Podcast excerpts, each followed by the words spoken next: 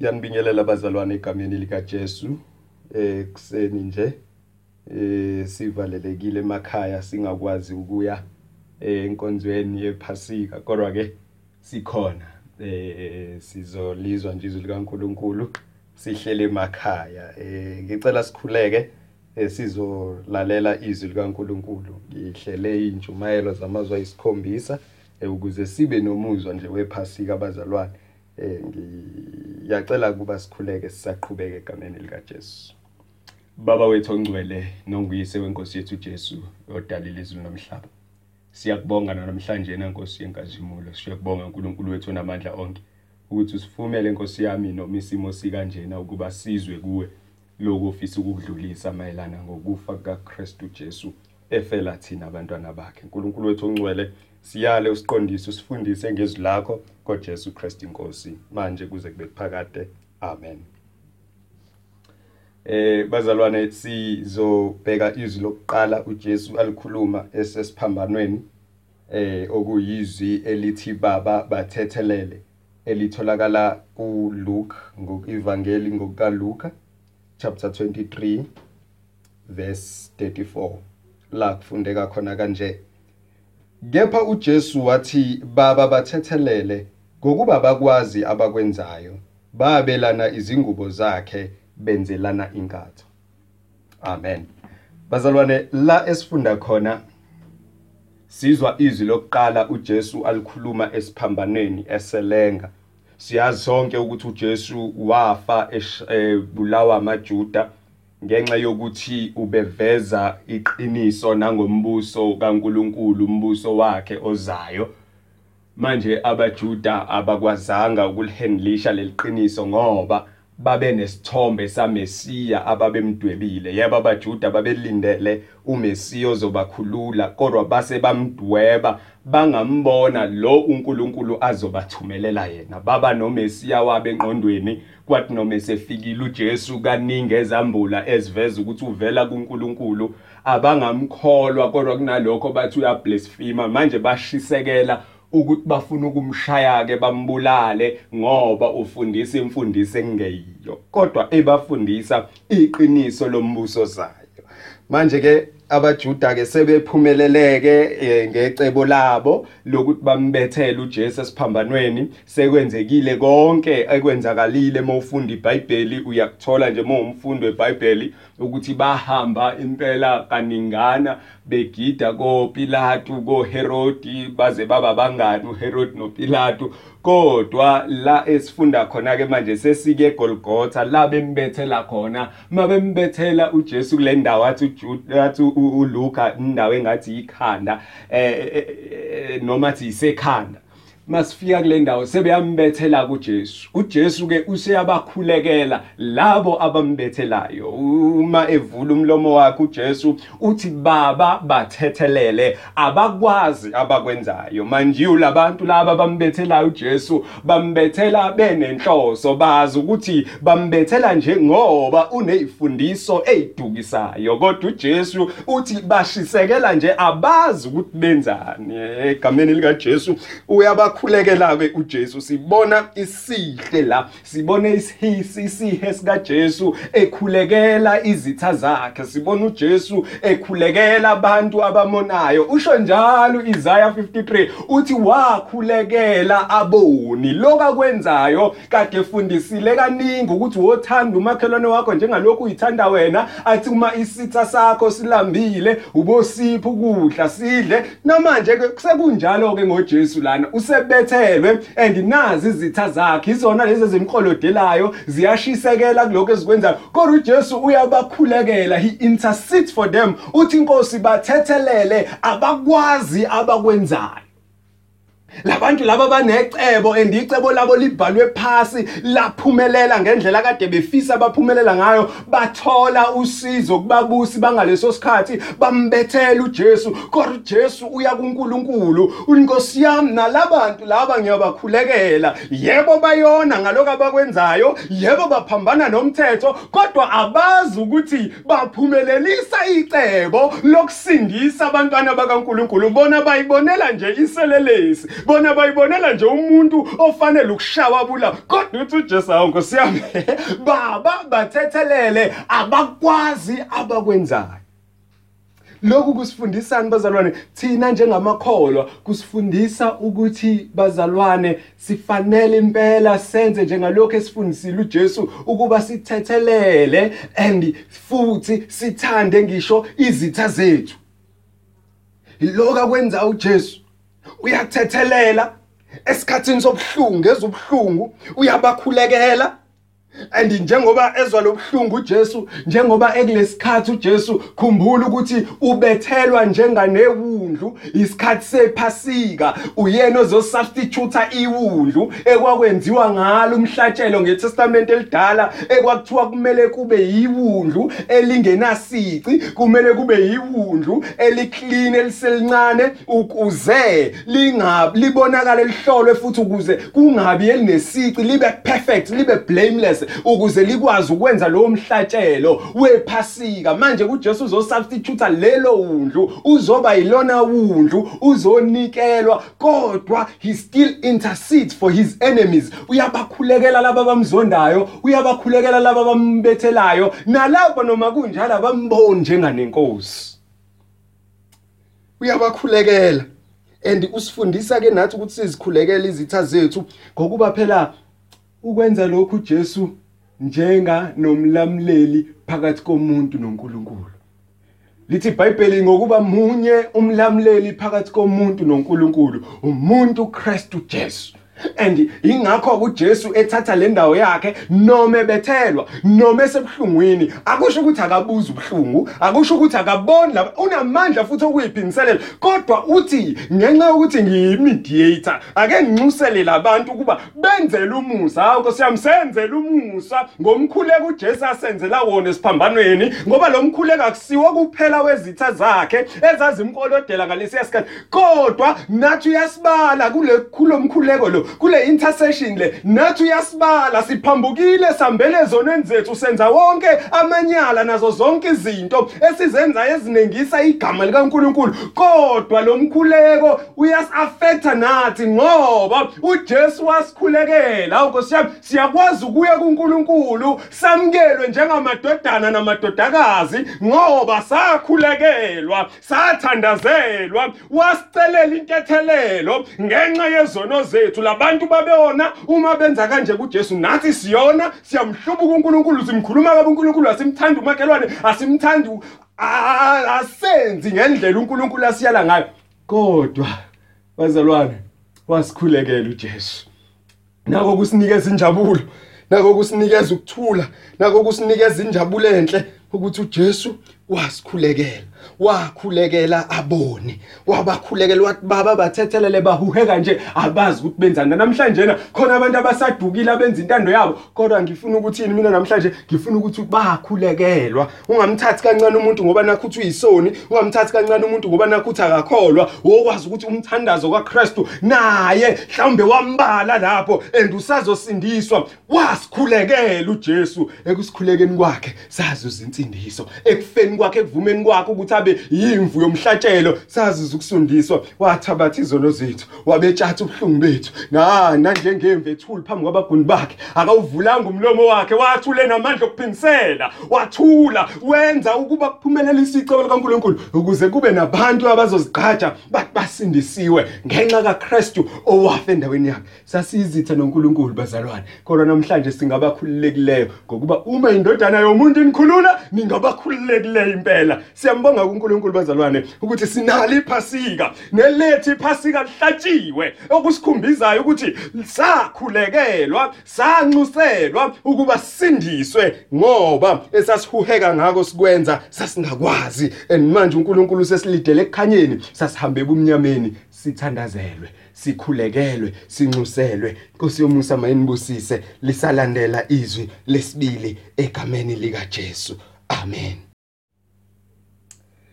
Eh bazalwane siqhubeka namazwi ayisikhombisa. Elesibili litholakala ku Luke chapter 23 verse 39 to 43 okufundeka khona kanje bazalwane. Njalo esinye sezelelesi ebeziphanyekiwe samhlambalaza sathi wena awusiye uKristu na? Zisindise kanye nathi. Sase siphendula esinye sasithethisa sathi nawe umesaba uNkulunkulu ingani ukuloku kulahlwa nawe na? Thina kambe ngokufaneleyo ngokuba samukela okulingene okulingene nesikwenzile kepha lo akenzanga lutho olubi sase sithi Jesu ngikhumbule nxa usufika embusweni wakho. Wathi kuso ngiqinisile ngithi kuwe namuhla uza kuba nami eparadise. Bazalwane izwi lesibili leli uJesu alikhuluma esiphambanweni. Uphanyekiwe emthini nezelelesi ezimbili. Yena uphanyekile phakathi nendawo and abantu bayameyisa. Abantu bathi akazisindise wasindisa abanye. Akasindise phela naye. Bathi eh wena ozibiza ngenkosi yabajuda dilika kuleso siphambano phela ngoba uthi uyinkosi yabajuda. Nesinye ke sezelelelesi esasibethelwe naye uJesu sithatha lelo thuba phezulu kobuhlungu esisizwayo. Siyamemeza sithi ewu Jesu angithi ke wena wasindisa abanye zisindise. Bese uyasindisa nathi ukuze siphume kulobuhlungu esibuzwayo. Ah nkosiyami lesesinye ke iselelesi sona sesibuka lesesinye sithi wena ukulokulahla ngenxa yokuthi kufanele. Siyam sibuka uJesu njenganomuntu obekwe lana blameless engenasici engafanele ukuba labe khona uthi hayi ngiya understand mina ngenzile kabi. Nawe futhi wenzile kabi. Why pho ufane nalabo abanye abangamesaba uNkulunkulu nawe ungamesaba uNkulunkulu? Ngokuthi ukhulume kabi ngalona na? Indaba ukhulume ngomuntu ongenzanga kabi thina sikilokulahlwa kambe ngokufanele. Lesi sinyiselele sisibuka uJesu. As a savior. Simbuka uJesu njenganomuntu onamandla. Simbuka uJesu njenganomuntu onegunya embusweni ozayo. Bazalwane uJesu sesiphambanweni. uJesu bethelwe. uJesu uyafa. Emntwini bakhe uJesu uzubhlungu uyagqirha nabagqirhayo. Kodwa leselelesi sibuka sithi ene mani inkosi lengibethelwe nayo. And angikwazi ukuletha leli leli thuba esengilitholile lidlule nje ngibe ngibethelwe nenkosi. Angikwazi ukuyeka ngithi uJesu akadlule. Angikwazi ukuyeka umusa kaNkuluNkulu sowuphambi kwami. Uthi cha cha cha ngizolisebenzisa leli thuba nginxusele impilo yami. Uthi Jesu uzung ungikhumbule mawufika embusweni wakho. Uthi uJesu ngiqinisile ngithi kuwe namhlanje uza kuba nami eparadise. Insindiso kaJesu uyimemezela manje ngaleso sikhathi. Elenge esiphambanweni uJesu umemezela insindiso. Uzoveza insindiso emhlabeni wonke kodwa akabashila akamshilo seduze kwakho ifunayo ngalesi sikhathi. Uthi namhlanje uza kuba nami ngiza kuba nawe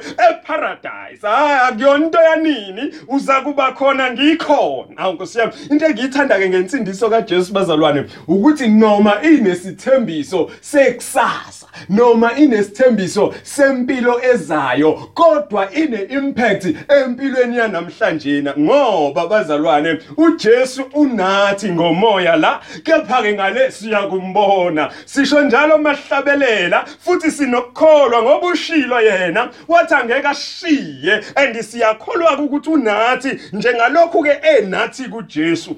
Bazalwane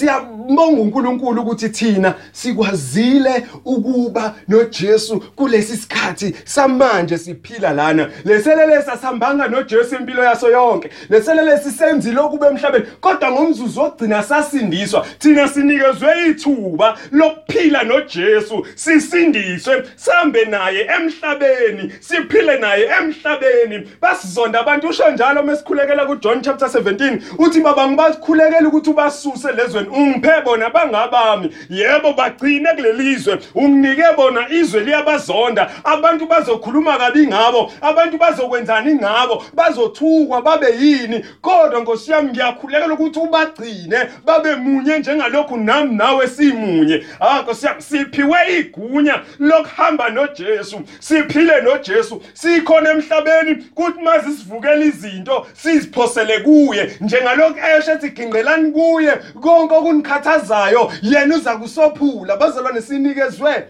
igunya elimangazayo lokuthi si-enjoye.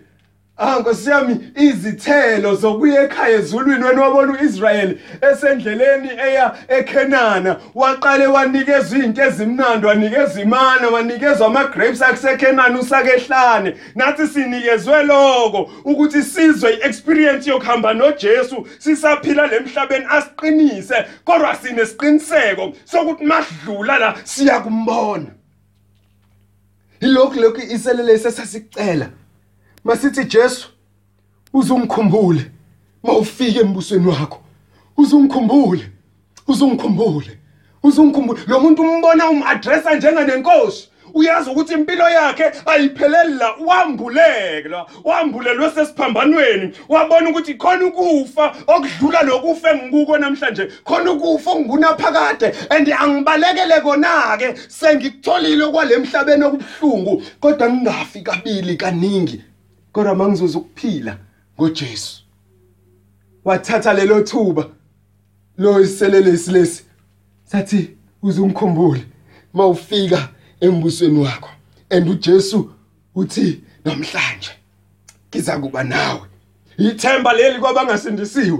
Ithemba leli kwabasekude nombuso wezulu ithemba leli kwabakude noJesu. uJesu uthi namhlanje uma nizivuma izono zenu nikholwa ukuthi uJesu inkosi wafa wavuka niza kusindiswa. Hayi inkosi yami akuyona into eyokwenzeka nje kodwa ningizobalelwa kwabasindisiweyo namhlanje bese niyalulekwa ke ngokuhamba kwendlela. Kodwa na into engijabulisayo namhlanje iza kuba nawe.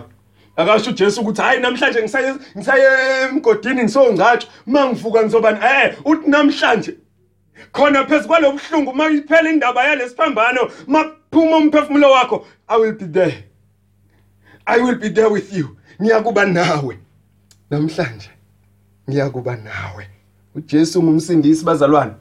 Noma esesiphambanweni akakunaki lokho ukuthi uzubuhlungu akasinaki isikhathi esinzima abhekene naso.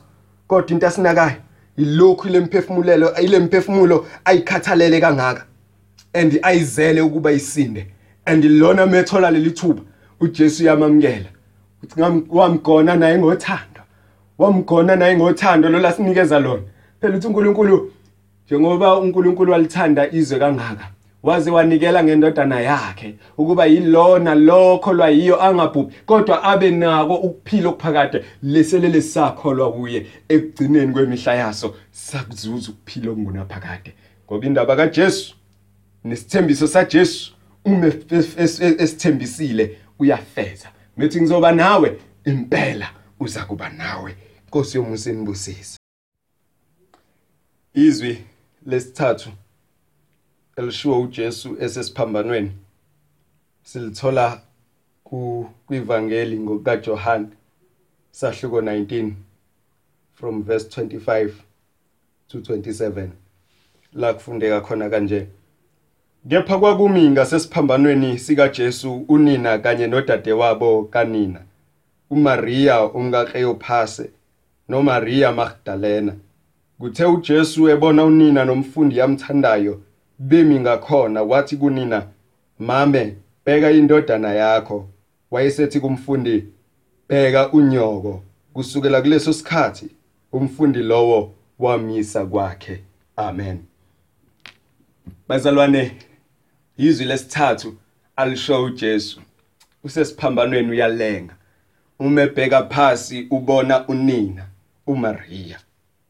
Maria owesifazane owakhulelwa eyintombi. Eh waba ngumama kaJesu owesifazane ozala uJesu. And lo wesifazane ozala uJesu ngoba uJesu wahlanganyela noMaria enyameni waba ngumntwana kuye wamkhulisa njengomntwana waba nothando lakhe njengalokhu umama ethanda indodana ubehamba naye emnakekela ekhula wamkhulisa ngemithetho yakwakhe. Kodwa manje lo wesifazane usesizini? Lo wesifazane usenkingeni? Ubona ingane yakhe iphanyekwa njenganeselelisi? Ubona ovundlile esiswini sakhe ephanyekwa njenganomuntu owenze icala engenasono haleluya kodwa la esifunda khona abazalwane iBhayibheli lisitshela ukuthi ke kwakumi ngasesiphambanweni ke sika Jesu uMaria nabanye bayabalwa. And ngiyathemba ukuthi uMaria wayemla njenganomzali ekhala ebuka uJesu elenga ebuka indodana yakhe elenga. Mhlawumbe njenganomzali wayengafisa ukuba uJesu avela iphike le ndaba ukuze asinde angakuboni lobuhlungu obunjena. Kodwa esifunda khona abazalwane sithola uJesu. Eveza ke manje indaba enganakekile eveza ubunkulunkulu bakhe esiphambanweni. Ubuveza kanjani ubunkulunkulu bakhe? Bheka indlela a-addressa ngayo uMaria umama wakhe. Akambizi ngoma. Akasho ukuthi ma hayi ihambile kuJohn. Ubuke kuyena usizwe kuyena. Kodwa uthi mame ngesingisi ithi translation yakhona woman not mother woman. Okusho ukuthini bazalwane? Okusho ukuthi umaddressa njenganomuntu ongasingane yakhe kodwa umaddressa njengomuntu omnika icommand ukuthi wena ke bheka lo nawe bheka lo. Kusho ukuthini umethi bheka lo? Ngamanye amazwi uthi nakekela umama lo. Mama nangi indodana ngamanye amazwi nakekelalana uthini umyalo kaJesu umyalo kaJesu athi izwe liyosibona ngawo ukuthi siyakuba ngabafundi bakhe ukuba sithandane. Ilento kayishoyo kuJohane ukuthi thanda lo njenganoma wakho ngoba mina angisekho kumnakekela uzodinga umuntu ozomnakekela sekagugile. Uma senengane engaka sekagugile. Sekumele anakekelwe naye. Sekumele kube khona umuntu omnakekelayo. And probably mhlawumbe akasenayo indoda uyise kaJesu uJosepha useshonile. And usethi ke ndodana noma uthi ndodana bheka unyoko. Uma ethi ndodana bheka unyoko unikeza uJohn irresponsibility yokuthi eh Johan nakekela lo wesifazane njenganomzali wakho kusifundisani lokho thina njenganebandla likaNkuluNkulu na Lokho kusifundisa ukuthi thina siyibandla likaNkuluNkulu singabalindi bomunye nomunye. Sifanele ukuqaphelana, sifanele ukubhekana, akekho kumele azizwe eyedwa, akekho umzali okumele azizwe eshiyekile, ayikho ingane kumele izizwe ingaphandle ingenabazali kodwa ikholwa ikhonza futhi ebandleni. Ngamanye amazwi lokhu kusinikeza iresponsibility ukuthi uma okade nakekela lo esengasekho kumele ebandleni likaKristu kuvuke umuntu ozonakekela lo osakhona. And siphile esikhathini esinzima bazalwane. isikhathi esinzima la khona ulusha lanamhlanje la khona intsha yanamhlanje ingenandaba nabazali bayo. Ingenandaba nokuthi abazali balala bedleni umuntu unendaba nezinto zakhe. Abazali basala behlupheka emakhaya intsha iphile kamnandi ema-suburbs noma emathawini. Kodwa uJesu usibuyisa emqondweni wokuthi bazalwane sifanele ukunakekela abazali bethu. And sifanele ukubashiya nabantu abazoba responsible for bona. Yiloko asifundisa kona. Mesifundisa la uma ethi mama ebheka indodana. Yiloko asifundisa kona hey nakekela lo. Ngoba unamandla okwenza lokho. And nebandla linamandla okunakekela abantu kodwa abantu balala bengadlile kwezinye indawo ibandla linamandla okunakekela intandane kodwa intandane azinakekelwa. Hm Yiloku Jesu asinike kona, iwona myala asinikeze wona ukuba sithandane. And uma simthanda umfowethu phela uthi uJesu ngelinye ilanga ngangisejele aningibhekanga. Ngangigodola. Aninginikangi okokwembatha. Bayobuza abanye bathi Nkosi ufike nini ulambile na? sangakunika ukudla uthi kodwa lokhu eniyakwenza komunye nakomunye kuyobe nikwenze kimi ngoba siyibandla likaNkuluNkulu sifanele ukuba responsible for ukubona ukuthi omunye umntwana unako yini singajabuleli ukuthi mina nginako ngiphelele kodwa sifanele ukubuka ukuthi omunye ongaphandle uswe akaswele yini? Jesu sifundisa lokho kulamazwi uma ethi mame bheka indodana ndodana bheka unyoko. Isikhathi vele sasisoba nzima kuMaria. Babezomhleka babezokhuluma kabi ngaye bebuka uJesu kufa kwakhe. Bathi hayi lona ube nengane nje kanje kanje kanje kanje. Ubemdinga impela umuntu ozomcomforta ubemdinga impela umuntu ozomkhulisa ubemdinga impela umuntu ozomnakekela kulesimo and lo kakushoyo uJesu kulamfundo amthandayo ukuthi indodana bheka nangu inyoko. And nakho uJesu akushoyo kithi siyibandla lakhe singabantwana bakhe ukuthi asibhekane sibe ngabalindi bomunye ukuthi omunye wenza kahle na omunye akenzi kahle na omunye uswele na omunye akaswele. La ongaswele akaqikelele ukuthi lo swele akaswele. Mame bheka indodana asibe yibandla eli responsible asibe yibandla elaziyo izimvu zalo ukuthi zishoda ngani bese siyabanikeza njengalokhu beshoda abantwana bakaNkuluNkulu. Asibe yiba uma sinamandla okwenza lokho asenze njalo bazalwane. Asibhekelane nini? Mame bheka indodana. Amen. Bazalwane sibukile.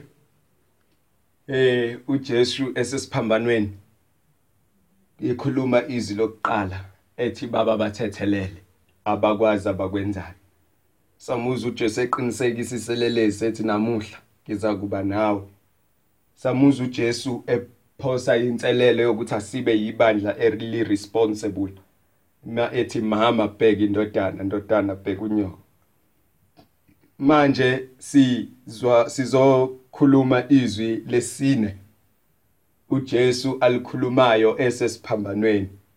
Elitholakala kuMateyu chapter 27 kuverse 45 kuya kuverse 47 la kufundeka khona kanje. Kepha kusukela ngehora lesithupha kwaba mnyama emhlabeni wonke kwaze kwaba yihora lesishiyagalolunye. Kepha ngehora lesishiyagalolunye uJesu wamemeza ngezwi elikhulu wathi Eli Eli lama sabachthani okungukuthi Nkulunkulu wami Nkulunkulu wami ungishiyelani na? Abanye kwababemi khona bekuzwa bathi lo ubiza uEli. Emazwini esesiwafundile emazwini esesikhulumile ngawe asikakezwa lithi iBhayibheli uJesu wakhala. Kodwa la ese angifuni ukuthi mhlawumbe eh wayeyirobot kulabo cha. Kodwa alwavezi lamazwi sesikhulume ngawo awavezi ubuhlungu uJesu abuzwayo ngaleso sikhathi. Kodwa sivezelwa kabanzi ngobuhlungu kaJesu uma sesikulelizwi lesine elithi Eloi Eloi lama sabachthana uNkulunkulu wami uNkulunkulu wami ungishiyelani na? Lithi iBhayibheli kwabamnyama ezweni lonke. Ngesikhathi ubumnyama obungajwayele ukufika ngabo kwaqala kwenzeka izinto ezintsha. Kwasho ukuthi noJesu uzoyifila lento ukuthi khona into entsha eyenzakalayo manje.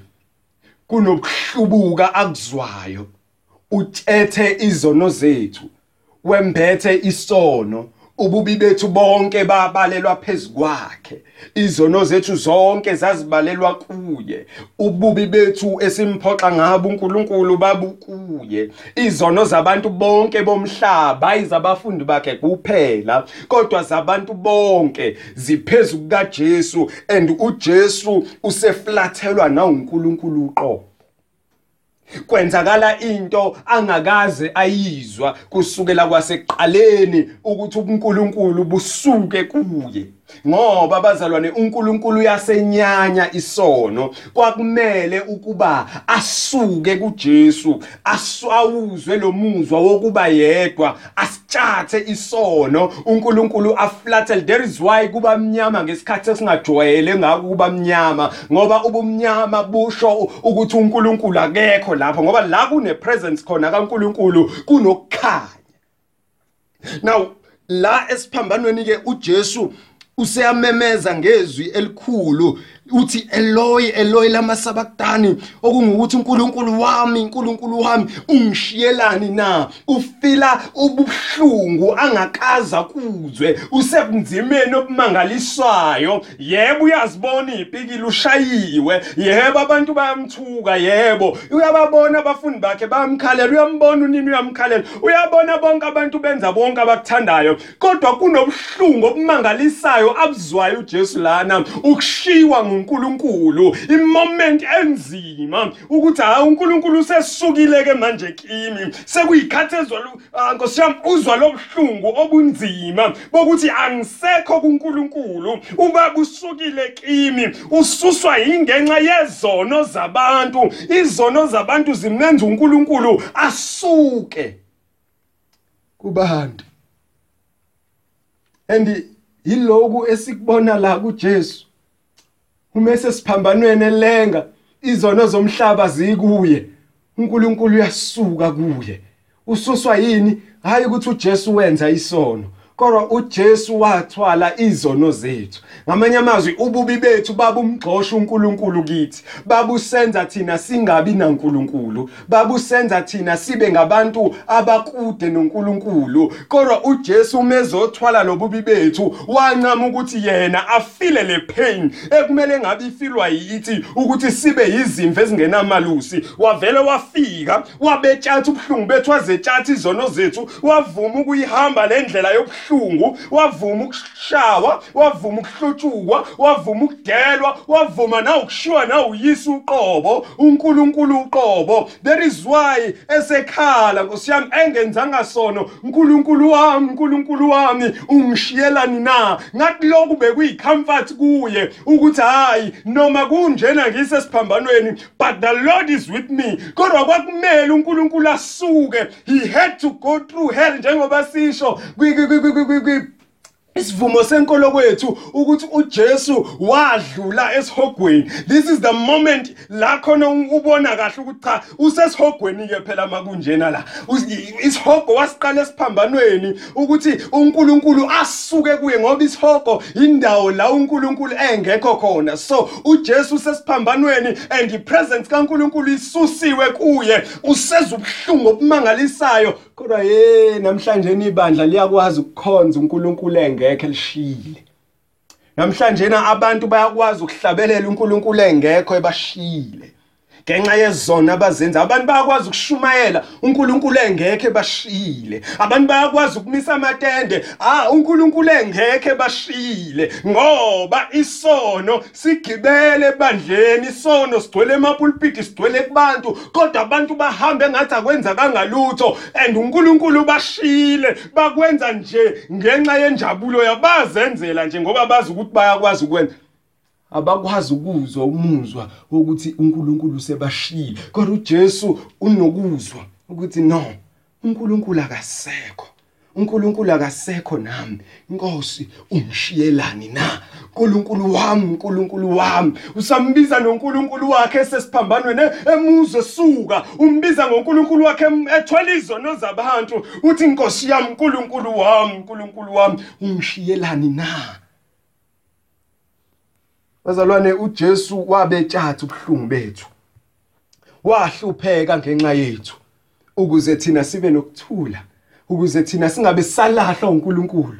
Wancama ukuzwa yena lokho, kwabalela kuye. Sisho njalo masihlabelela, sithi amaphutha ethu namacala ethu onke abalelwa kuye. Waye umuntu onosizi engonanga yena, wathabatha izono zethu, watshatha ubuhlungu bethu. Hawu Nkosi yami, ukuze thina sibe nokuthula kwaphakade ukuze thina esikholwa uye singabe salahlwa ukuze thina esikholwa uye singabe sadelwa ukuze thina esikholwa uye singabe sashiwa kodwa sihlale sazane noNkulunkulu sibe zindlalifa zezulu. He had to suffer. Kwakumele ahlupheke kwakumele ashayeke kanjena kwakumele ahambe le ndlela enjena ukuze thina sisindiswe. Ukusindiswa kwethu kuyabiza. There is why uma uyikholwa langempela. Kukuhlupha ukuthi ungaye enkonzweni. There is why uma uyikhopha likholwa langempela kukuhlupha ukuthi ungalifundi izwi likaNkuluNkulu. There is why uma uyikholwa langempela kukuhlupha ukuthi ulala ungathandazanga uvuke ekseni ungathandazi.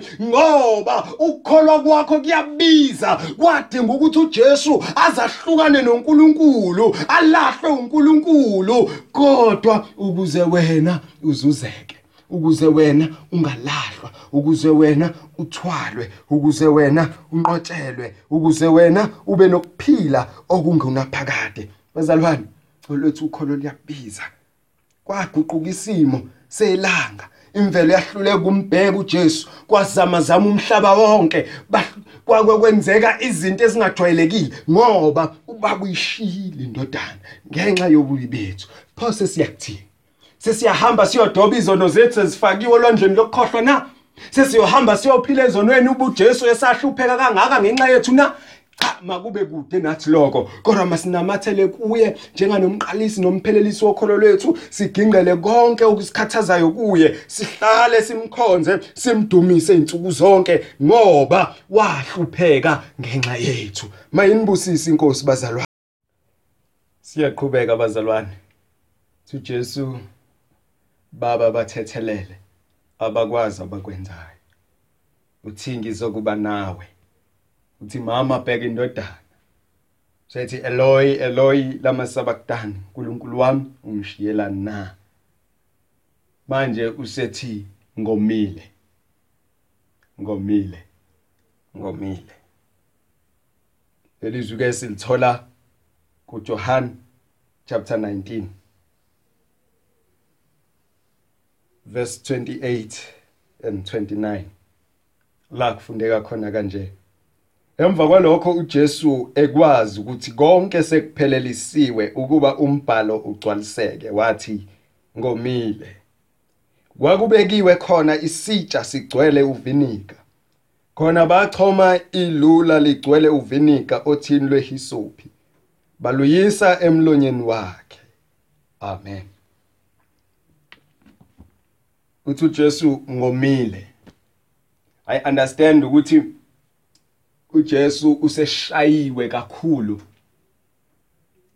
And yinde indlela abeyihamba esindwa isiphambano ehambe ewa. Kuze kuthathwa le ndoda inikezwa isiphambano ukuthi ayimthwalele. And mefika esiphambanweni uyabhotshozwa ngeyipikili ezandleni naseyinyaweni. Ekhanda uphethe umqhele wameva and lokho kumkhiphisa igazi eliningi. Uma kukanjalo odokotela bebezo understanda ukuthi wayefanele ukoma wayefanele ngoba wayese dehydrated umzimba wa emzimbeni wakhe umzimba wawuswela amanzi. And uma ke kunjalo kwakufanele ukuthi athi ngomile. Eh kunjalo uma umuntu ephunyelwe yigazi eliningi kumele ome abuyisa amandla ngamanzi. Manje ke lokhu kusivezela ukuthi bazalwane impela. uJesu mesesiphambanweni uJesu impilo yakhe yonke. Kuyasivezela lokhu ukuthi uJesu ube ngumuntu uqobo. Noma kade uNkulunkulu impela kuyasivezela ukuthi ube ngumuntu impela. Ube ngumuntu uqobo and ebuntwini bakhe izwi likaNkuluNkulu beliprofethile futhi nangaye ukuthi uyeza uJesu. Hamba ufunda amahubo 69 verse 21 uzomuzwa mekhuluma leli gama elithi gomile njengoba lisho ukuthi kwenzeka lokhu kuze kugcwaliseke umthetho noma kuze kugcwaliseke izwi likaNkuluNkulu uzokuzwa lokuthi eh ekuncanweni kwami banginika eh, iwayini elibabayo. Uyayibona lento ukuthi yayindlaliwe kwasemaphakadeni ukuthi uJesu uyakuba khona?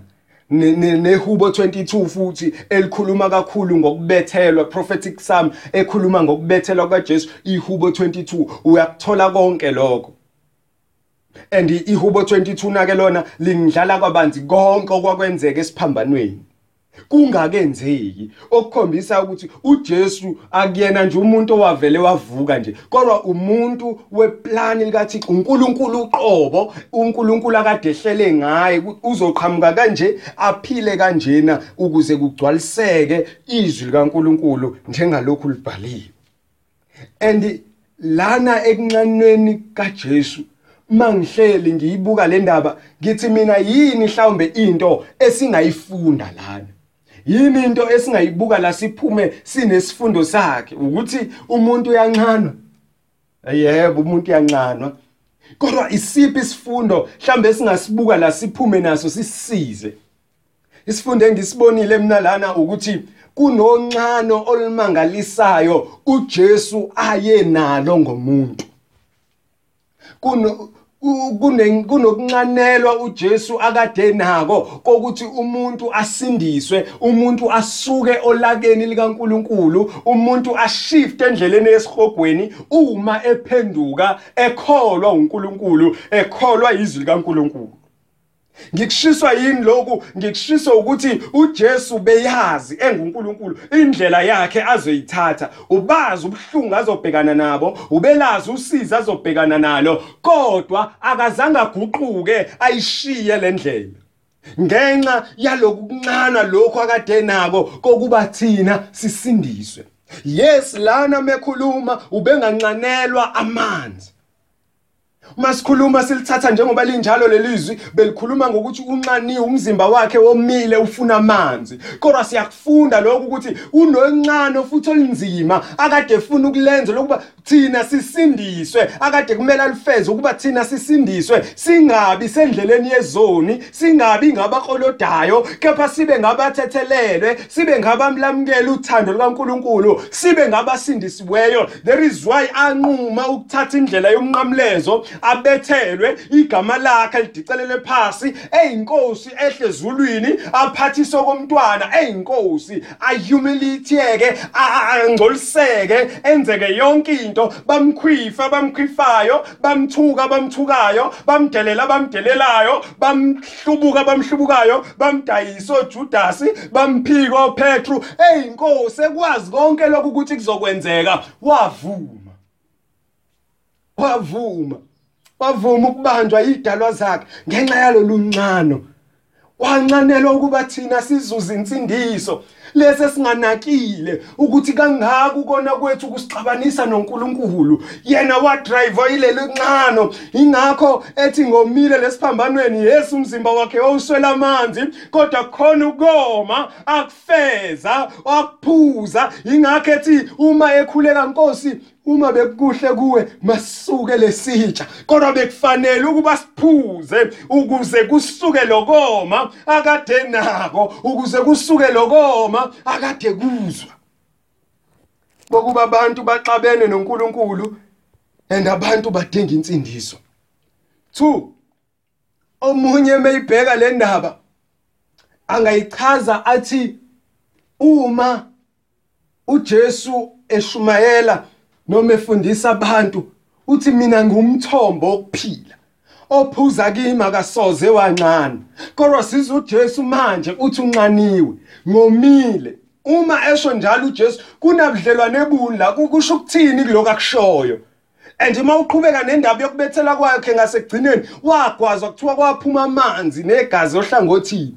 Uma kwenzeka njalo kuthiwa lowo mthombo lowo masiphuza kuyo uJesu bazalwane. Masisisho njalo and sishumayela kanjalo intshumayelo yakhe? Uthi awuphuza kuya kasophinde ome. Kusho ukuthini pho methu uJesu unxaniwe. Uthi omunye meyichaza le ndaba athi kungenxa yokuthi emazwini angenhle sikhulume ngawo ukhulume ngokuthi uNkulunkulu usukile kuye. And ma uNkulunkulu esesukile kuwe ukushuthi umthombo uvalekile. Okusho ukuthi inqano liyavuleka. Uma umuntu egcwele isono kuba njalo uhlale enqanela ukuzisuthisa ngento ethile uma siyibeka kwisimo sethu ke thina. Uzothola abantu ngoba kunaleli ncane kunalesi kunale kunokuba empty enhlizweni yomuntu okudinga ukufulfillwa uNkulunkulu ngomoya ongcwele. Lolo ncano lolo ilona lolo lenza ukuthi abantu bahuhekele emadlozini. Ilona lolo ncano olenza ukuthi abantu bayokhonza izithombe ilona lelo ncano elenza ukuthi abantu benza abakwenzayo okungalidumisi igama likaNkulunkulu ngoba kunencano abangazi ukuthi kudinga umoya ongcwele ukuba hlale phakathi kwabo ukuze ezobafundisa ukuthi kumele kwenzeke kanjani. And lento le ayisho ngayo lo mbhali mechaza le ndaba uthi kungenzeka ukuba uJesu uyihlanganisa naleyo ndaba ekuthenini wayesom wayomile ngenxa yokuthi uNkulunkulu akasekho kuye. And yes his body was dehydrated.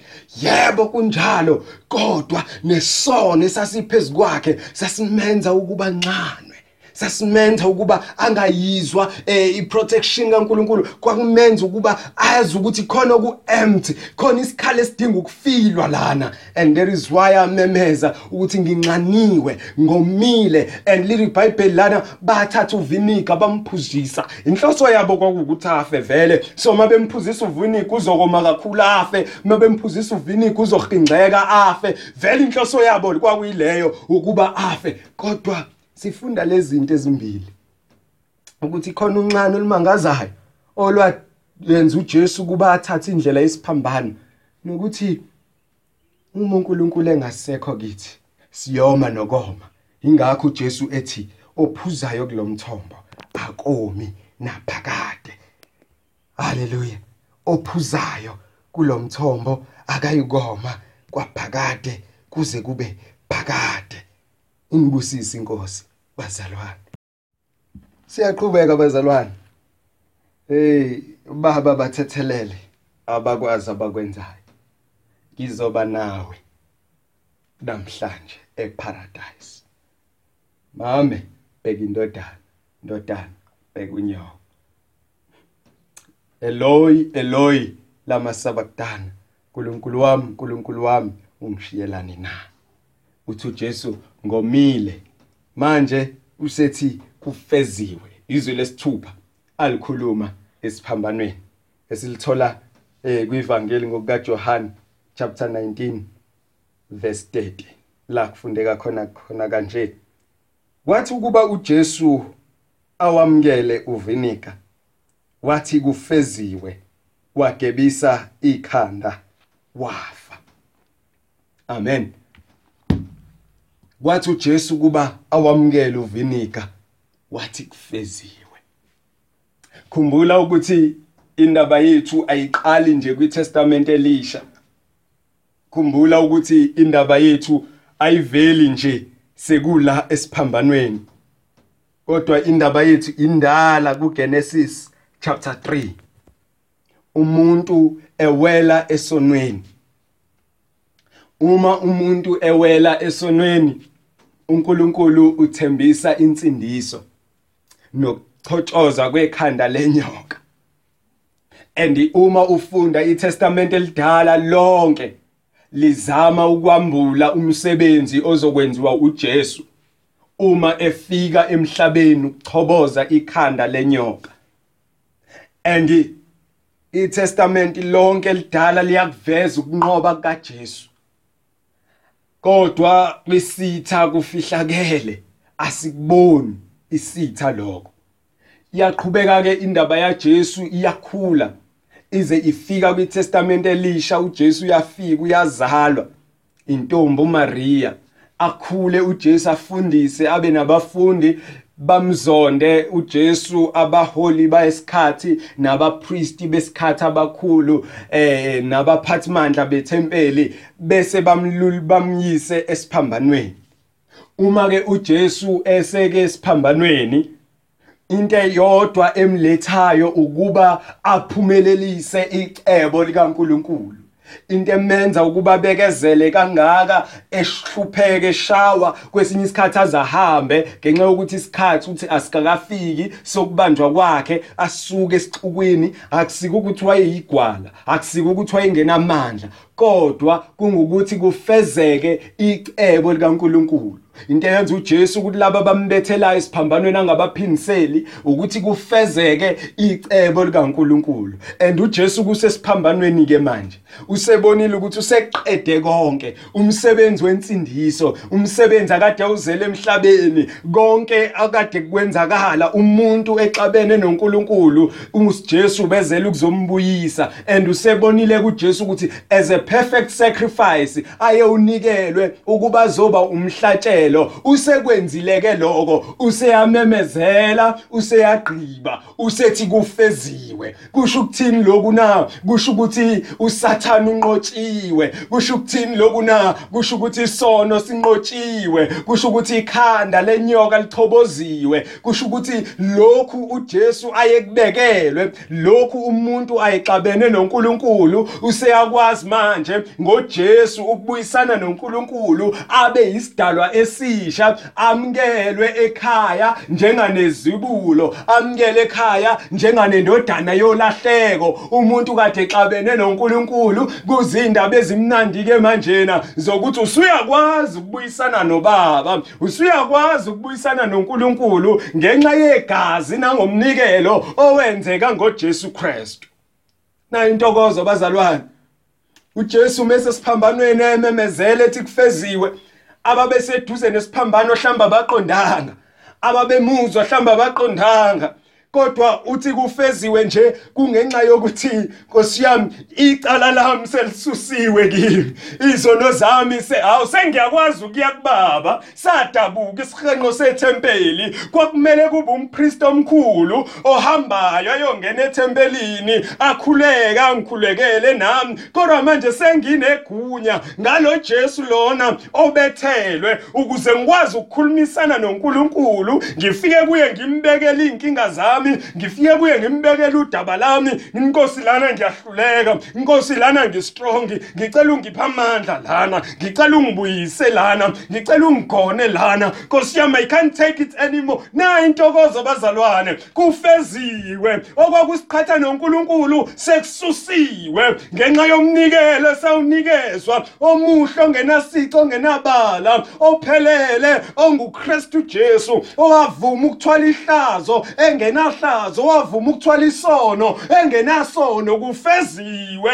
Ubuhlungu bami ekade ngibuzwa angisenendaba nabo ngoba uvula izandla uthi zonke inkathazo zene ezinahlulayo ziphoseni kimi. Ijoko leni elinisindayo liletheni kimi. Nithwale lami ngokube lami lingcono lilula kuneleni kufeziwe kufeziwe phelelisiwe kugqitshiwe kugcwele ivaliwe incwadi. Sengiqedile. Ekade kuzele emhlabeni uzokubona ukuthi kufeziwe. Akuze agcwalisekele lo gama lokuthi kufeziwe. Uzobona ngesonto evuka eshiya ithuna li-empty okukhombisayo ukuthi inkosi yamakhosi seyiqedile bikuzele emhlabeni. Seyifezile. Indlela yensindisi sikhona. Ah wathi ehlane ngiyahelebha indlela. Ngiyakwenza indlela kahlongasini Ah ngiyahelebha amagebhu amagebhugebhu ngakho indlela eKings Highway sesiyakwazi ukuya kubaba. Sifike sikhulume nobaba.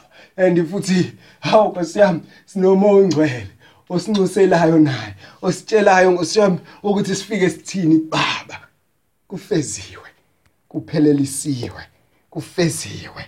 Ya ubuhlungu bethu esasibuzwa.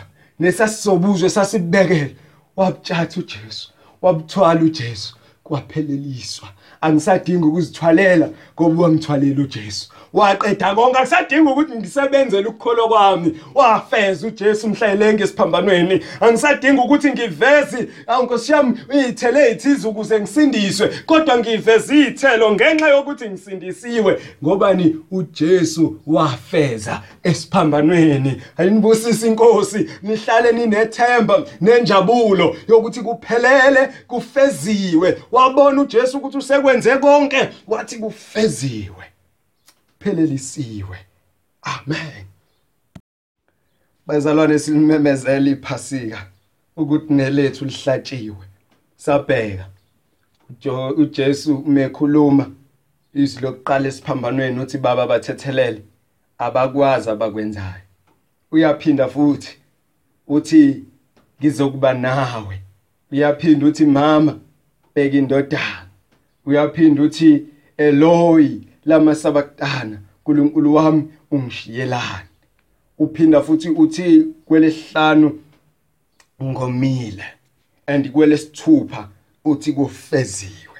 Manje sibambe lokugcina elesikhombisa elithi ezandleni zakho ngiyawubeka umoya wami. Ezandleni zakho ngiyawubeka umoya wami. Sifunde bazalwane.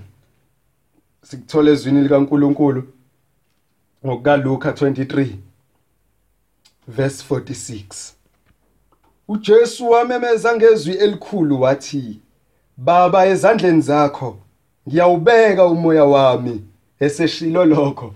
Wafa. Bazalwane siqeda ukukhuluma ngokuthi uJesu usewufezile umsebenzi.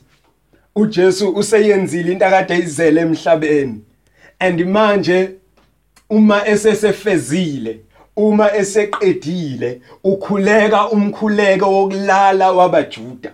Ngane yomjuda isencane beyifundiswa lomkhuleko ukuthi ebusuku mayilala ithi baba ezandleni zakho ngiyawubeka umoya wami.